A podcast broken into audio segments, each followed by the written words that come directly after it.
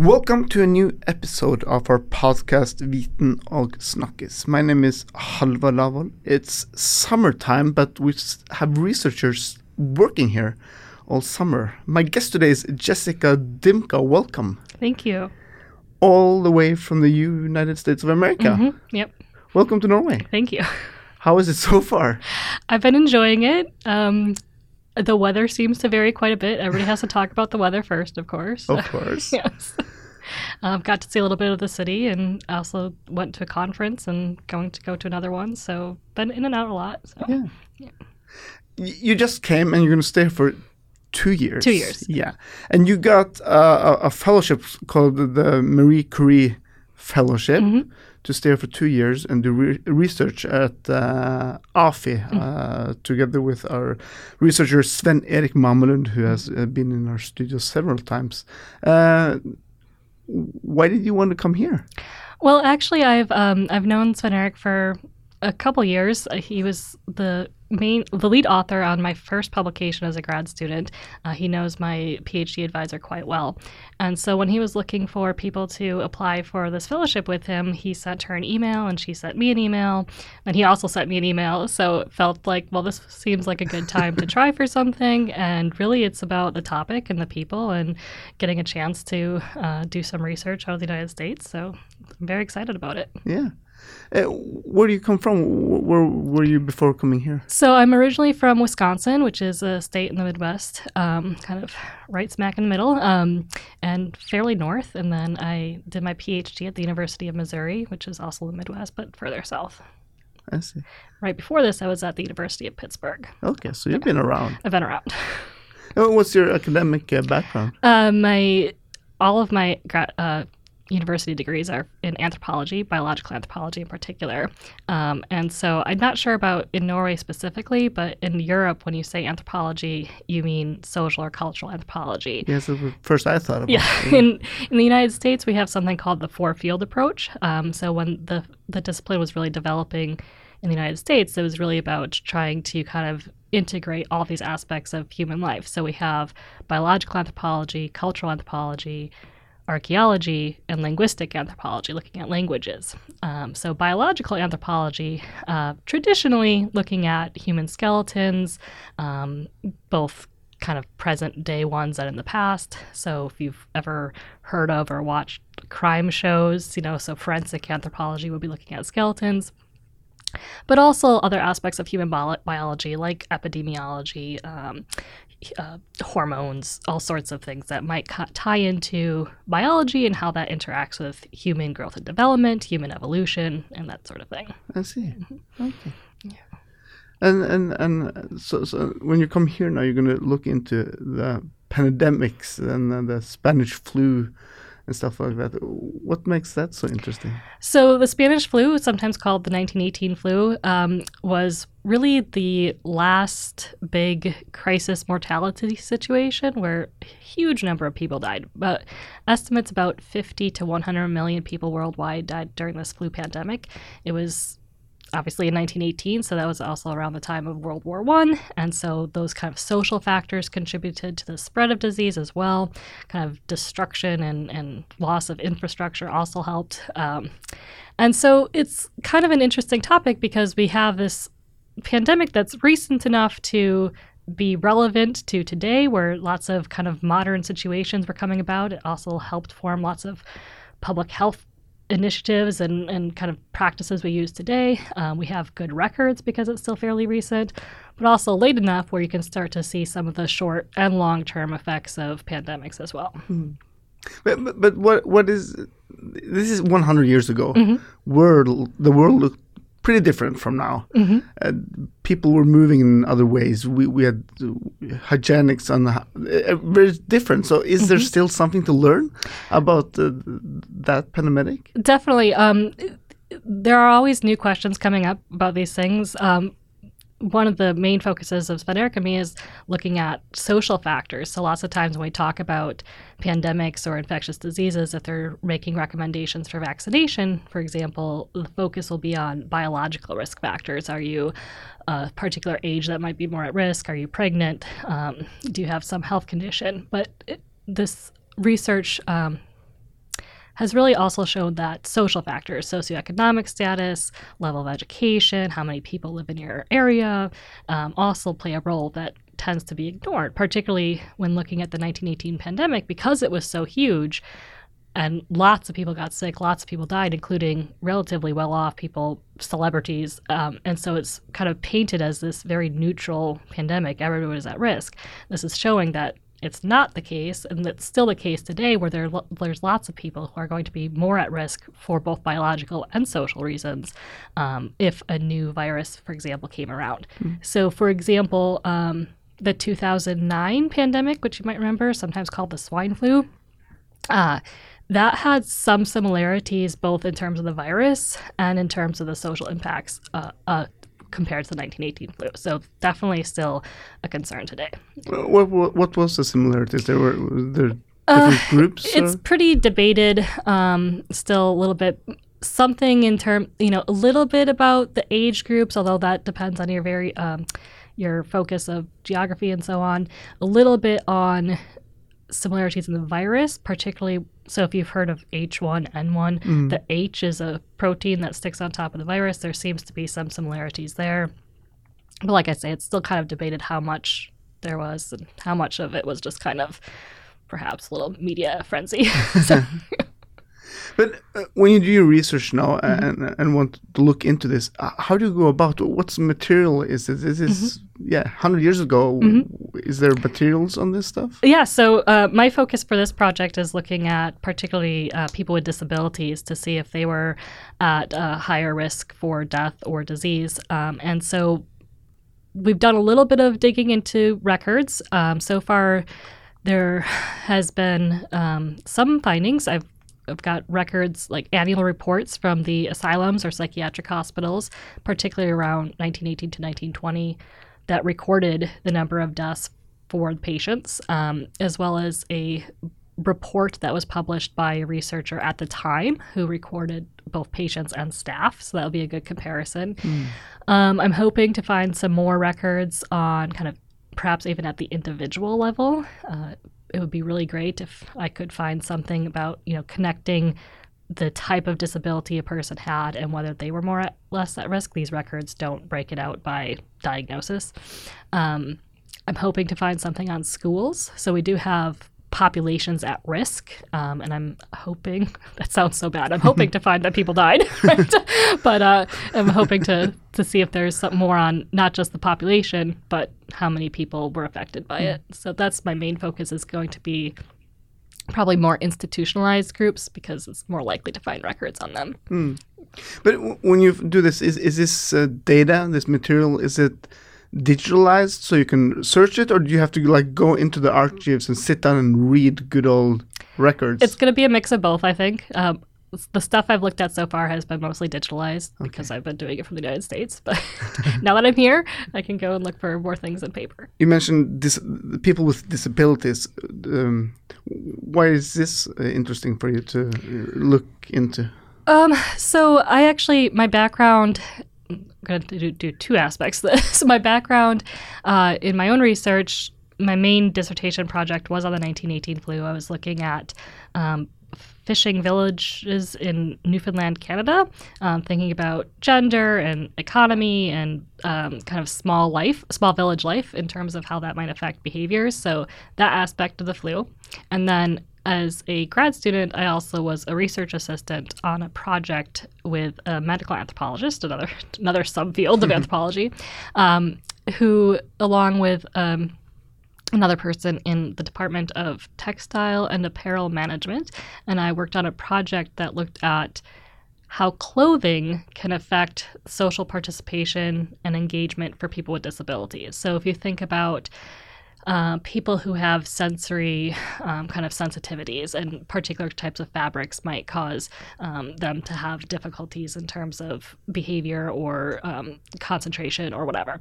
Um, if you think about people who have uh, like IV ports mm-hmm. or other types of um, kind of implants that could cause problems with clothes, um, different you know types of buckles, whatever. If you have mobility issues, so all those kinds of things about how you might then lead into, you know, an unwillingness or inability to actually do the things you want to do and be a part of the society. Um, so these kinds of two interests, the flu and the disability, when I was coming up with a topic of what I wanted to do for this project, I wanted to combine them and uh, really ask those types of questions. Another thing then from more of a kind of a research perspective is, like I was saying, there's these kind of social uh, characteristics that people have looked at, gender, economy, whatever. And as far as I can tell, no one has looked at disability. But people with disabilities make up the estimate is something like 15% of the world's population. Uh, and that's especially high in uh, low income or developing countries, um, and particularly high among other types of vulnerable populations. So you have this thing called intersectionality, uh, where you know people who have some issues or some kind of um, parts of their identity that might be marginalized also then intersect with others as well. And so thinking about access to healthcare, um, the ability to afford healthcare, whether or not their particular disability might lead to um, an ineffective vaccine, for example, it doesn't quite work, or that if they have some kind of um, mobility impairment that might reduce their lung function, that might cause additional complications. Mm. So I was thinking about all these different ways that disability might influence how your response to the flu might affect your, um, you know, your outcome. And then also at the time of the 1918 flu, social factors were, of course, an interest as well. So you have the eugenics movement, mm-hmm. um, where lots of people with disabilities were probably going to be institutionalized or otherwise marginalized, which then would make them, again, more at risk. Um, you had the end of World War One when soldiers were coming back with pretty significant wounds and injuries that was changing the viewpoint about disability and how people in society responded to people with disabilities. So lots of interesting kind of intersections in this question. Mm. I really am excited to look into it more. What do you think we as a society today ha- can learn from uh, this? Well, I really think that. Um, you know, I keep going back to this idea of, of social factors, and I think that's important in terms of thinking about you know, we have so much debate, at least on the internet, about vaccines, right? And should we have them? Should we not have them? We have, at least in the United States, huge debates about health insurance and health care, who should have access, who shouldn't. When you tie in, particularly again in the United States, that health insurance is often associated with what type of job you have. Then there's also employment issues for people with disabilities. So, really thinking about um, kind of inequalities and um, vulnerabilities to make sure that when when the next pandemic comes, which it will, okay. that people um, who uh, have particular risks are thought about when we come up with policies and strategies for how to deal with it and involved in making those policies and strategies. That's important too. You just said when the new pandemic. So, so you you seem pretty certain there isn't medicine uh, research evolving so fast and aren't we can't we like make uh, vaccines and medicine and uh, do something that they, they don't they won't mm-hmm. come back? Yeah i think i mean there's maybe i can't say with 110% certainty that there will be another one. Most people who do study the flu most epidemiologists do think it's a matter of when not if um, for a couple of reasons one, the flu virus mutates, it evolves quite easily. And so that typically, typically when you have a new pandemic, it's because there's a, a new strain that a large portion of the population isn't immune to. Um, and so viruses are, you know, they're subject to the same forces of evolution as anything else. They're always trying to kind of one up their competition. So it's uh, not unreasonable to expect that a virus will evolve. Um, we do see you know, about three to four pandemics each century. So there's been three since the 1918 pandemic as well. And we do have work being done, and I, I don't know enough about this. I'm not going to talk too much. Um, you know, trying to develop a universal flu vaccine so you don't have to get one every single year. Mm. Um, with the rate of evolution, I'm not sure how that would necessarily work. um, but again, I'm not I'm not involved in that. So um, and then just even if you do have a vaccine, which is usually what people focus on in trying to stop the spread of disease, as I said, not everybody gets a vaccine. Even people who really strongly believe in vaccination do- don't necessarily get their seasonal flu vaccine. So. I- I guess in two years, when you're finished with the project, Mm-hmm. you you'll have a lot of I don't know recommendations and Mm-hmm. ideas on how to organize our healthcare system for Yes. this. But but you already now know something you like. You see that we should have done some changes to be better prepared. Yeah, I think. I mean, I think this is true for everybody, not just Norway. Um, I think when you look at these pandemic pl- preparedness strategies, you know they they tend to be, and I've only read a few of them. Um, they tend to be pretty vague in the sense that you know you can't predict what's going to happen, but we're going to have particular vulnerable populations at risk. We're going to recommend vaccines for these people. Um, most, or at least some, say you know, possibly school closures, but those aren't typically effective anyway um, because kids go out into the community otherwise. Yeah. Um, you know, so various different types of pharmaceutical and non pharmaceutical interventions, issues about communication, um, kind of, um, you know, trying to control the reactions that people might have. Uh, but I think you know, and I think those strategies are good, and I just think that we need to also start to, um, you know, involve other voices and think about other kinds of concerns beyond, particularly uh, medical uh, at-risk populations. Mm. But uh, if something s- starts spreading, how, how Mm-hmm. fast can you s- say that this is a pandemic? Like, Mm-hmm. Is that something you know after it's when it's it's over you, and people many people are dying, or can you like see this coming uh, days, weeks after it breaks out? So there's usually, um, you know, there's surveillance going on all the time where particular diseases are reported, and and also side note, some really interesting research being done, like on on um, Google searches or Twitter posts to see if you can use that kind of social media aspect to identify where people are getting sick before the doctors do. But um, with a pandemic, those typically spread. I mean, in the grand scheme of things, relatively fast. And so, pandemic is when an epidemic spreads to multiple countries more or less the same time.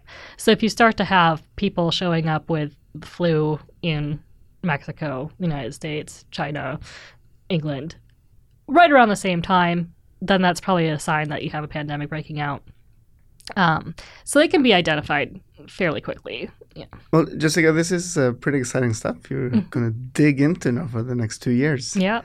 Uh, I hope you have me back when I have some actual findings. yeah, you're very welcome back in in two years when, when, when you've done this. So so yeah, you're just gonna go into all this old data and, and sit and study this now for two years. There's actually um, kind of two phases that I have planned. So the first phase is going to be looking at this data from the 1918 flu, um, making comparisons, doing kind of demographic and statistical comparisons.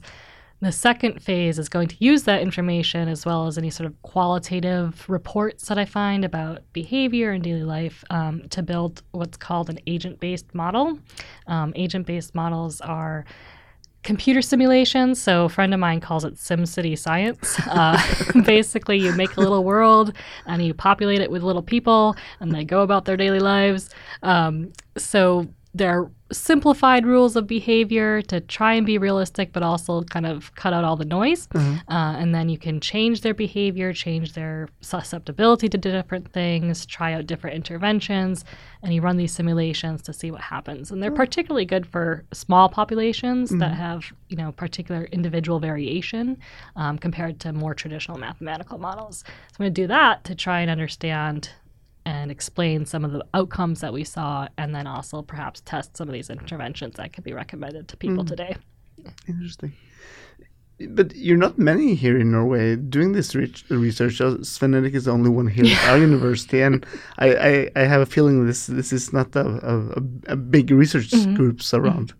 And, uh, Where do you ta- where's your colleagues? Uh, do you have like work really international here? Yeah, lots of international colleagues. Um, I'm also hoping to make connections with people here who work on disabilities or work in anthrop- anthropology or epidemiology, just kind of bring everybody together, make a little group of my own, basically, with different um, expertises. So, yeah. Exciting. Well, Jessica, thank you very much for coming here, telling about your uh, your project. This is going to be exciting. Yeah, thank you. It's been great. Yeah.